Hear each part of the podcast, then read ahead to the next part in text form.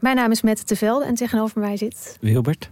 En ik heb vrij veel last gehad van neerslachtigheid, eigenlijk nog steeds wel in het leven. En depressies. En volgens mij gaan we dat proberen op te lossen. We gaan jou redden. En de rest van de mensen. En de toch? rest van de mensen. Ja. Wie redt Wilbert? Dat is de vraag. Wie helpt hem bij de kwesties en problemen van vandaag? Luister naar Wie redt Wilbert en de rest van de mensheid. Een podcast van de VPRO voor NPO Luister. Het nieuwe album van Taylor Swift is uit. Ja, hier hebben we echt heel lang naar uitgekeken. Wat vind je ervan? Als je het mij vraagt, is Taylor Swift grappiger dan ooit op dit album. Ik denk dat om tot de kern van het album te komen, je echt weer het allerlaatste nummer moet weten te beluisteren. Misschien had dat wel het eerste nummer moeten zijn. In Taylor's era reviewen we de hele plaat, nummer voor nummer. Waar gaat het album over en waar staat het in het oeuvre van Taylor Swift? Luister nu naar Taylor's era op Podimo en Spotify. In onze hotelkamer aangekomen parkeer ik mijn rolstoel naast het bed, zodat ik even lang uit kan gaan liggen om mijn rug te strekken. Mickey zet haar tassen naast de mijne en komt lang uit naast me liggen. Ze ligt op haar zij en kijkt naar me. Dan heft ze haar bovenlijf iets op en brengt haar gezicht dichter bij het mijne. Ze kust me. Eerst teder, maar zodra ik haar kus beantwoord, wordt het kussen vuriger. Ze zwaait haar been over mij heen, zodat ze op me zit en leunt voorover om me verder te kussen. Ik streel haar rug en laat mijn handen onder haar shirtje schieten. Ik wil haar shirt uittrekken. Als ze rechtop gaat zitten en me met een opgetrokken wenkbrauw bestraffend aankijkt. Niet zo snel, jij. Ze pakt mijn polsen beet en drukt ze boven mijn hoofd tegen mijn kussen. Ik wil dat je ze daar laat liggen, beveelt ze. Gelukkig heeft het hoofdheid van het bed spijlen, waar ik houvast aan heb. Mickey kust me weer, intens en veel eisend. Ze gaat weer rechtop zitten en trekt haar shirt uit. Mijn adem stokt en ik kreun even bij de aanblik van haar borsten.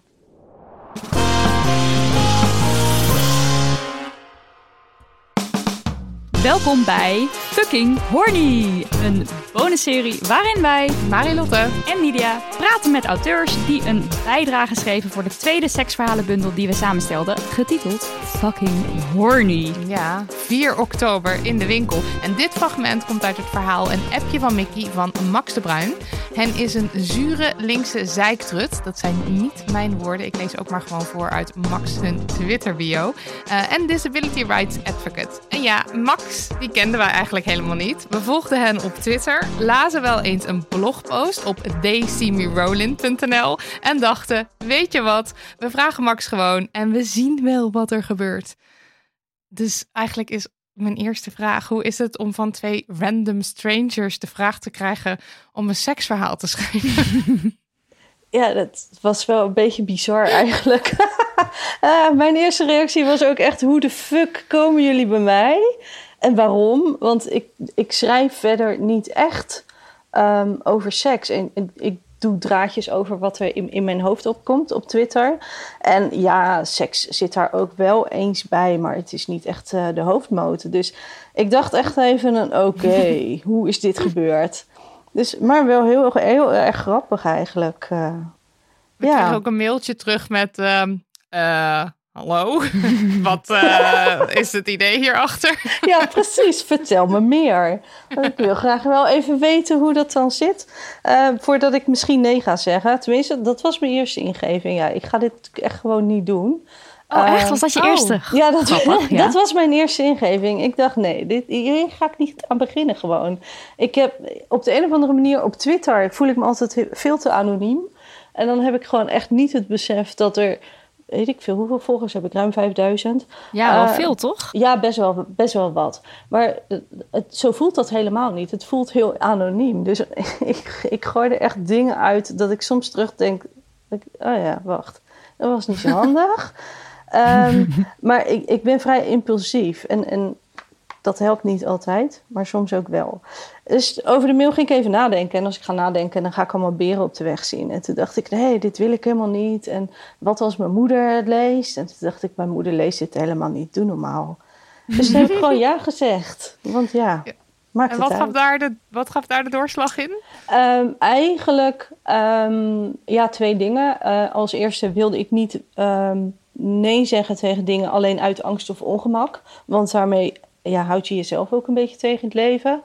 En ehm, als tweede ding, ik ben inderdaad disability rights advocate. Ik vind toegankelijkheid en inclusie vind ik ontzettend belangrijk. En um, ja, de, de, de, de link tussen mensen uh, met een beperking of een handicap en seks, die is vaak toch een beetje meh. Dus ik dacht, ik wil daar wel een keertje iets positiefs over uh, de wereld in helpen. Dus ja, ja, zodoende eigenlijk. En was je dan eigenlijk wel bekend met Dem Horny, ons eerste deel? Of had je, had je echt geen idee wie die, wie die wijven waren? nou ja, wel, wel vaag hoor. Ik bedoel, ik, ik, ik, kende jullie wel en ik had wel een idee wat jullie zo'n beetje doen. En, uh, maar op de een of andere manier is internet gewoon ontzettend groot. En er zijn gewoon heel veel mensen die heel veel dingen doen. En dan moet je keuzes maken. Ja. En op de een of andere manier ben ik gewoon nooit echt bij jullie aangehaakt denk ik. Wat oké is. Ja, nou ja, goed. Ik bedoel, ik, ik heb het recht gezet inmiddels. Heel seksverhaal geschreven. Nu ben je meer dan aangehaakt. Nu hoor je bij de Damn Money Family. Precies, ik zit er helemaal bij. Uh, had jij dan eigenlijk ervaring met het schrijven van een seksverhaal? Nee, echt nul. Nee, ik, ik, ik doe eigenlijk over het algemeen alleen hele brave content voor patiëntenvereniging en, en, en platform voor mensen met een handicap. En dan schrijf ik over toegankelijkheid en ontoegankelijkheid en over beeldvorming, um, over hoe je um, heel snel als, als, als vleugellampoppetje die zichzelf niet kan redden gezien wordt en hoe mensen altijd in de beschermende rol uh, schieten als ze je zien. Uh, dus ja, daar schrijf ik voornamelijk over. Dus dat is over het algemeen niet echt heel erg seksueel. Uh... Nee. nee en, ook, en ook niet zozeer fictie. Want nu moest je echt helemaal ja, een verhaal, een dialoog. En ja. dat is toch ook wel weer iets heel anders. Ja, Even los van de inhoud. Ja. ja. Hoe heb je dat aangepakt? Met moeite. maar zo leest het echt totaal nee. niet. Nee, oh wat goed. Nee, het is echt een struggle geweest om het... Uh, uh, om het goed op papier te krijgen. Want in eerste instantie, kijk, de timing was uh, niet heel erg handig. Uh, maar goed, dat kun je niet plannen van tevoren. Mijn schoonvader overleed heel plotseling. En mijn schoonmoeder, die ging er twee mm. maanden later achteraan. En dat was precies in de tijd dat het verhaal geschreven moest worden. Dus ja, dan zit je er toch een beetje raar in. Ja. En op een gegeven moment dacht ik, ja, dan moet ik ook nog mijn hoofd in de sectiestand gaan zetten. Ja. Uh, waar begin ik? Ik denk, nou joh, ik ga maar gewoon een scenario schrijven. Uh, wat zou ik zelf leuk vinden? Wat zou ik zelf uh, ja, erotisch vinden? Waar zou ik opgewonden van worden? Um, ja, en toen ben ik gaan lezen bij andere mensen. Hoe schrijf je nu eigenlijk een kort verhaal? En hoe hou je een beetje een spanningsboog? En um, ik, ik heb de neiging om heel snel in mijn hoofd te gaan zitten. En ik denk dit en ik denk dat en ik denk zus. Ik denk, daar moet ik een beetje bij uit de buurt blijven. Dat vond ik wel echt heel lastig. Maar al met al ben ik wel echt uh, tevreden met wat ik heb uh, neergezet. Oh, wij ja, anders wij wel. En, en waar, waar heb je inspiratie uitgeput? Ja, het is niet echt een, een, een vinger op te leggen. Dat ik zeg, oh, dat was echt dit of dat. Nee, ik heb um, een kennisje van mij, die is uh, seksueel heel erg vrij. En die vertelt heel vaak verhalen over wat ze dit weekend nou weer heeft uitgespookt. En uh, het, toen ging ik eigenlijk uh, een beetje aan het fantaseren van nou, hoe zou dat zijn als ik haar was tegengekomen in de periode dat ik single was. Of ja, ja, het, het, ja, op een gegeven moment in, in één keer had ik een, een, een, een invalshoek. En toen dacht ik, oh ja, nou dit gaat hem wel worden, want dit klopt gewoon ja. Hm. voor mij. Ja. ja, ik denk dat bij ons ging dat toch ook een beetje zo. Want het was eerst echt zo zoeken van hoe de fuck gaan we dit nou doen. En we hadden hier ook echt geen ervaring mee. Maar op een gegeven moment ga je dan. En dan vonden wij het dus ook heel erg leuk toen we er eenmaal in zaten. Ja. En was dat bij jou ook, vond je het ook opwindend om het te doen? Of kan je het wel een soort zakelijk dan, ik zit hier gewoon een, iets te, aan iets te werken? Nou ja, dat, dat. Ik, ik kan mijn hoofd op zo'n moment wel een soort van uitzetten en, en echt puur met de tekst bezig zijn. En met het verhaal dat het klopt en dat de details kloppen. En niet dat er ineens ergens een stoel vandaan komt die de, daarvoor oh, ja, ja. niet was. Weet je, dat soort rare details. Uh, maar ja, ik heb wel wat voorwerk gedaan. En ik heb jullie eerste boek gelezen om een beetje te zien van... joh, ja, wat voor soort verhalen zijn het? En waar zoeken jullie een beetje naar? En, en um, wat is er al? En uh, kan ik daar nog een aanvulling op doen? Ja. Uh, dus ja, dat, dat was wel leuk om te lezen. Ik bedoel, daar, ga je, daar gaat je hoofd wel een beetje van aan de slag. Ja, dus dat. eh, maar ja, op het moment dat ik echt ga zitten, dan, dan heb ik wel een verhaal een beetje in mijn hoofd. En dan denk ik van, oh ja, dat is wel heel leuk. Maar dan ga je schrijven en dan ben je alweer echt bezig, gewoon puur technisch. Ja. Dus eh, ja, en dan lees je het weer terug en denk je, oh ja, wacht. Ja, dat was wel leuk. Ja, Hallo. Ja, wij zaten wel echt soms van, gleden wij Ja. van onze stoel af eh, van enthousiasme. oh, wat goed. En was er iets waarvan je van tevoren dacht, nou dat element dat wil ik er sowieso in hebben? Ehm, sowieso de rolstoel. Omdat eh, de meeste mensen, als je het woord rolstoel zegt, dan denken ze niet aan sexy. Kijk, je hebt natuurlijk altijd fetischisten die daar heel goed op gaan. eh, maar die, die tel ik dan nu even niet mee. De gemiddelde mens denkt, oh, rolstoel, gedoe, moeilijk, moeilijk. Ehm, die vindt dat niet erotisch. En ik wilde graag laten zien dat je ehm, ook als je rolstoelgebruiker bent, dat je in control kan zijn. Eh, en dat je ook een situatie gewoon in de hand kan hebben. En dat jij de, ja, degene bent die bepaalt wat er wel of niet gebeurt. Ehm, en ook dat jij degene bent die bepaalt dat je de teugels uit handen geeft en een ander laat bepalen. Ja. ja. en in je verhaal speelt de, of, eh, de, de rolstoel is aanwezig, maar op gewoon een hele eh, nou, vanzelfsprekende manier. Die staat daar gewoon, die gaat in de auto, die gaat naar het hotel. Dat is gewoon, dat is, dat is er gewoon. Ja, precies. Ja, dat is ook gewoon in het dagelijks leven gebeurt dat gewoon zo. Ik bedoel, als ik eh, ergens naartoe ga, dan is het normaal dat je, je pakt je tas in. Heb ik mijn sleutels, heb ik mijn portemonnee. Eh, nou, bij mij komt er dan nog een extra stap bij. Zijn mijn banden opgepompt en is mijn accu eh, van mijn aandrijving opgeladen. En is mijn armband die dan weer communiceert met die aandrijving, is die opgeladen. Dus ja, dat is een extra stap. Maar voor mij is dat zo gesneden koek. Ja, dat is weet gewoon je, ik- routine natuurlijk. ja, precies. Ik denk daar Ja. niet meer bij na. Voor mij is dat ook echt geen ding. Net als als ik ergens aankom, eh, dat ik mijn rolstoel in de auto gooi. weet je. Ja, dan kom ik aangerold en dan sta ik op. En het gebeurt nog steeds dat mensen echt met open mond staan te kijken van... wat doe jij nou? Ja, ik sta gewoon op. Het, je bel de krant. Ja. Ja. Dus Ja. ja, dat, dat stukje wilde ik ook wel echt graag in het verhaal. Dat ik gewoon zelf de deur uit ga. En dat ik zelf de rolstoel in de auto kan zetten. Want voor mij is dat ook heel vanzelfsprekend. En dat is ja. Ja. geen ding. En, eh, en ehm, wat, is, wat is jouw eigen relatie met, eh, met seks en met seksualiteit? Ehm, ik, ik heb daar in het begin een heel moeizame relatie mee gehad. Ehm, ik ben eh, opgevoed door eh, mensen met een nogal sterke binding met de kerk. Ehm, dus dan, ja, wel het zinnetje, God kijkt altijd met je mee, eh zat een beetje in mijn achterhoofd. doodeng. Niet Nou, heel gezellig. Echt? Nee, een beetje zoals ceiling cat, weet je wel. Dat hij zo vanuit je plafond naar beneden staart. Vreselijk. Ja, dus dat. En ik, ik ben... ehm, ja, ik was tiener in de jaren negentig. En toen was aids was gewoon een ontzettend ding. Ja. En ja, iedereen is toen bang gemaakt voor SOA's. Dus ja, dat, dat zijn angsten die zitten toch een beetje in mijn achterhoofd. Mhm. Ehm, vroeger meer dan nu. Ik ben daar nu wel aardig vanaf, gelukkig.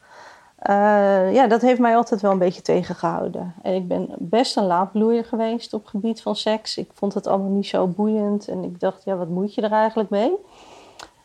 Ja, totdat ik erachter kwam dat het eigenlijk best wel heel erg leuk is. En eh, dat je er best wel heel wat mee kan. Ja, Maar hoe kwam dan die eh, switch? ja, ehm, ja, een fijne partner, dat heeft echt wel geholpen. Eh, iemand die, die de ruimte bood om mezelf te zijn en te kunnen ontdekken wat ik fijn vind en waar mijn grenzen liggen. En die ook nieuwe dingen introduceerde. Dat ik dacht van, oh, ja, oké, waarom ook niet? Voor En-? Precies, en dat dan bleek dat dat best wel heel erg leuk was. En ja, zo groeide ik daar eigenlijk een beetje uit. En eh, ja, het is niet altijd even makkelijk gehad. Ik, ik heb drie kinderen gekregen. En eh, nou ja, goed. Kinderen zijn niet zo echt heel erg, eh, hoe zeg je dat? Een oppepper voor je seksleven. Dus ja, dat is wel een tijdje lastig geweest. Maar goed, dat ligt allemaal in het verleden nu. En Nu ben je hier in een podcast om te praten Ja, over je eigen over seks. seksverhaal. ja. ja, Hey, en over seksverhalen gesproken, ben je zelf fan van eh, verhalen of andere vormen van porno? Eh, ja en nee. Eh, ik, vind, ik, ik- heb van die periodes. Weet je? Soms denk ik van, oh ja, leuk. En dan kan je er geen genoeg van krijgen. En soms denk ik ook, ja, gewoon geen zin in. En ik vind het allemaal wel best. En nu even niet. Maar ja, eh, soms heb je ook periodes dat je denkt... nou jongens, ik, ik, ik ben aan het bladeren naar een categorie waar ik zin in heb. En dan Ja. eigenlijk ben je aan de tweede preview en dan ben je alweer klaar. Omdat je... Klus is dan geklaard. Precies, ja. De niche van onder is geweest. De nies van onder. Oh, godverdamme. En heb je, heb je wel een soort eh, idee bij... Of, of, eh, wat maakt porno goed? Zeg maar, waar zoek je naar in porno? Of eh, is dat niet iets? Is dat niet iets? Het, ja, het, het, is, het is wel iets, maar ik vind dat zo buiafhankelijk eigenlijk.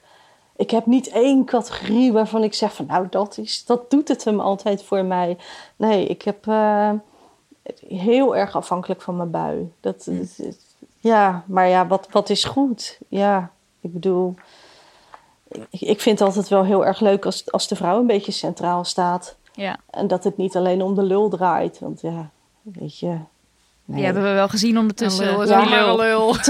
In, die, in de mainstream porno. Echt. Precies, ja, daarom. Dus ja, die hebben we wel een beetje gezien. Dus het mag wel wat eh vernieuwder allemaal. En is er nog iets rondom seks waar je nog aan zou willen werken? Ehm, Of ik, denk je, nou, ik zit wel lekker, ik zit wel goed. ik vind altijd dat er gewoon meer seks gehad eh, moet hebben. Dat er meer seks plaats moet vinden. Ehm, maar Eh, Is dat iets wat je echt zelf wil? Of wat je vanaf de buitenwereld, zeg maar, dat Dat je je het andere idee hebt van... gunt. beide. Oké, Ja, beide. Ja, nee, ik, ik, ik hou van seks. En het, het is, weet je, het leven komt heel vaak tussendoor. En dan denk je, oh ja, het past weer net niet. Ik heb eh, volwassen kinderen en die wonen nog thuis, weet je. Dus dat komt en dat gaat ook midden in de nacht. Dus ja, dat, dat, dat drukt wel een beetje de sfeer af en toe. Oh, mag ik daar iets over vragen, over ja. de kinderen? Dat mag. Want je zegt, eh, je zei net aan het begin van ja, straks leest mijn moeder het. Maar hoe kijk je dan naar volwassen kinderen die wellicht dit op het spoor komen? Ja, nou ja, goed. Ik bedoel, het is geen geheim hoor. Ik heb Nee. gewoon eh, verteld van, joh, ik ben gevraagd voor een, eh, voor een seksverhaal te schrijven. En eigenlijk was de reactie toen al wel van, nou, we weten wel genoeg. Het is goed zo. Oké, ja. Oh, ze, Dus- gaan het, de- je- ze gaan het ook niet lezen waarschijnlijk. Nee, dat, daar ben ik niet bang voor. Nee, de- nou ja, Nou, in, in die zin... Lijkt ben- mij geweldig als mijn moeder Ja, dat zou ik doen. zou helemaal Ja. enthousiast zijn. Nou, ik weet niet of ik het zou lezen, maar ik vind het gewoon, een, Gewoon het wel idee. ja, dat Ja. er nog over gesproken kan worden. En, Ja, precies. Nee, het, is, het is ook niet zozeer dat ik er bang voor ben dat, ik, dat ze het gaan lezen hoor. Dat interesseert me echt geen reet en het interesseert hun ook niet. Maar ze hebben daar gewoon geen interesse in. Wat ik doe, Ja. moet ik zelf weten. En ja, ja, ja. Ik hoef ook niet te weten wat zij uitspoken in het weekend. Dat, eh, Zo is het dan. Toch, ja. En heb je nog een, heb je nog een, een number one tip als het gaat over, over goede of gouden, zoals wij dat noemen? Gouden seks. seks. Gouden seks. Ja. Ehm, ja, ik, ik denk altijd dat, ehm, dat ieder zich comfortabel moet voelen. En hoe comfortabel er voor jou uitziet, moet je zelf bepalen. Of dat nou is met een, met een dik paar wollen sok komt, dat je altijd koude voeten krijgt. Of eh, met de gordijnen dicht en het licht uit, omdat je je dan comfortabel voelt. Ja, weet je, als je je daar prettig bij voelt, doe dat. En eh, voel je niet te snel geremd om te zeggen wat je wil. Dat, dat is mijn gouden tip. Dat is een gouden tip. Ehm, het zit er weer op. Ik heb zin om een, eh, om een seksverhaal te schrijven eigenlijk. Daar de- Ja? ja, ik heb er wel weer zin in. Je bent er helemaal ik hoorde je eh, net zo praten opgepept. en ik dacht, eh, ik ga go. het gewoon ook weer doen. Nou. Max, veel dank voor Ja. het reageren op de e-mail ten eerste.